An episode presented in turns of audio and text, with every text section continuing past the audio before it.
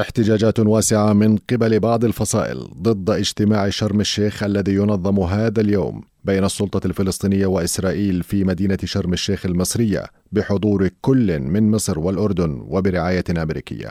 هذا اللقاء يأتي استكمالا للقاء العقبه الذي تم في وقت سابق وجمع بين السلطة الفلسطينية وإسرائيل وتم التباحث في أمور متعددة وكانت تصريحات بعض وزراء حكومة اليمين المتطرف في إسرائيل عقبه بأن ما ولد في العقبة سيبقى في العقبة في إشارة إلى عدم التزام حكومة الاحتلال باي مخرجات لأي اتفاق يتم بينها وبين السلطة الفلسطينية.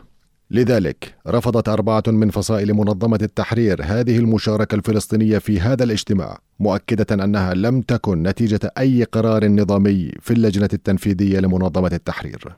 حركة المبادرة الوطنية من جانبها دعت إلى إلغاء اجتماع شرم الشيخ مع ممثلي حكومة الاحتلال وطالبت الجبهة الديمقراطية وحزب الشعب والاتحاد الديمقراطي الفلسطيني فدا في بيان مشترك. الرئيس محمود عباس بوقف المشاركة الفلسطينية في الاجتماع.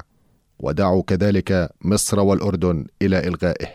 حركة الجهاد الإسلامي من جانبها أيضا أكدت في بيان لها أن قمة شرم الشيخ محاولة أمريكية لفك العزلة عن حكومة نتنياهو منتقدة مشاركة السلطة في هذا الاجتماع. الفصائل تنظم هذا اليوم اعتصامات في مراكز المدن احتجاجا على هذه المشاركة الفلسطينية التي لم تأتي وفقا لقرار من اللجنة التنفيذية لمنظمة التحرير والتي ترى فيه الفصائل تفردا بالقرار السياسي في ظل تواصل جرائم الاحتلال ومستوطنيه من قتل وهدم في كافة أنحاء الضفة لشبكة أجيال الإذاعية مراد السبع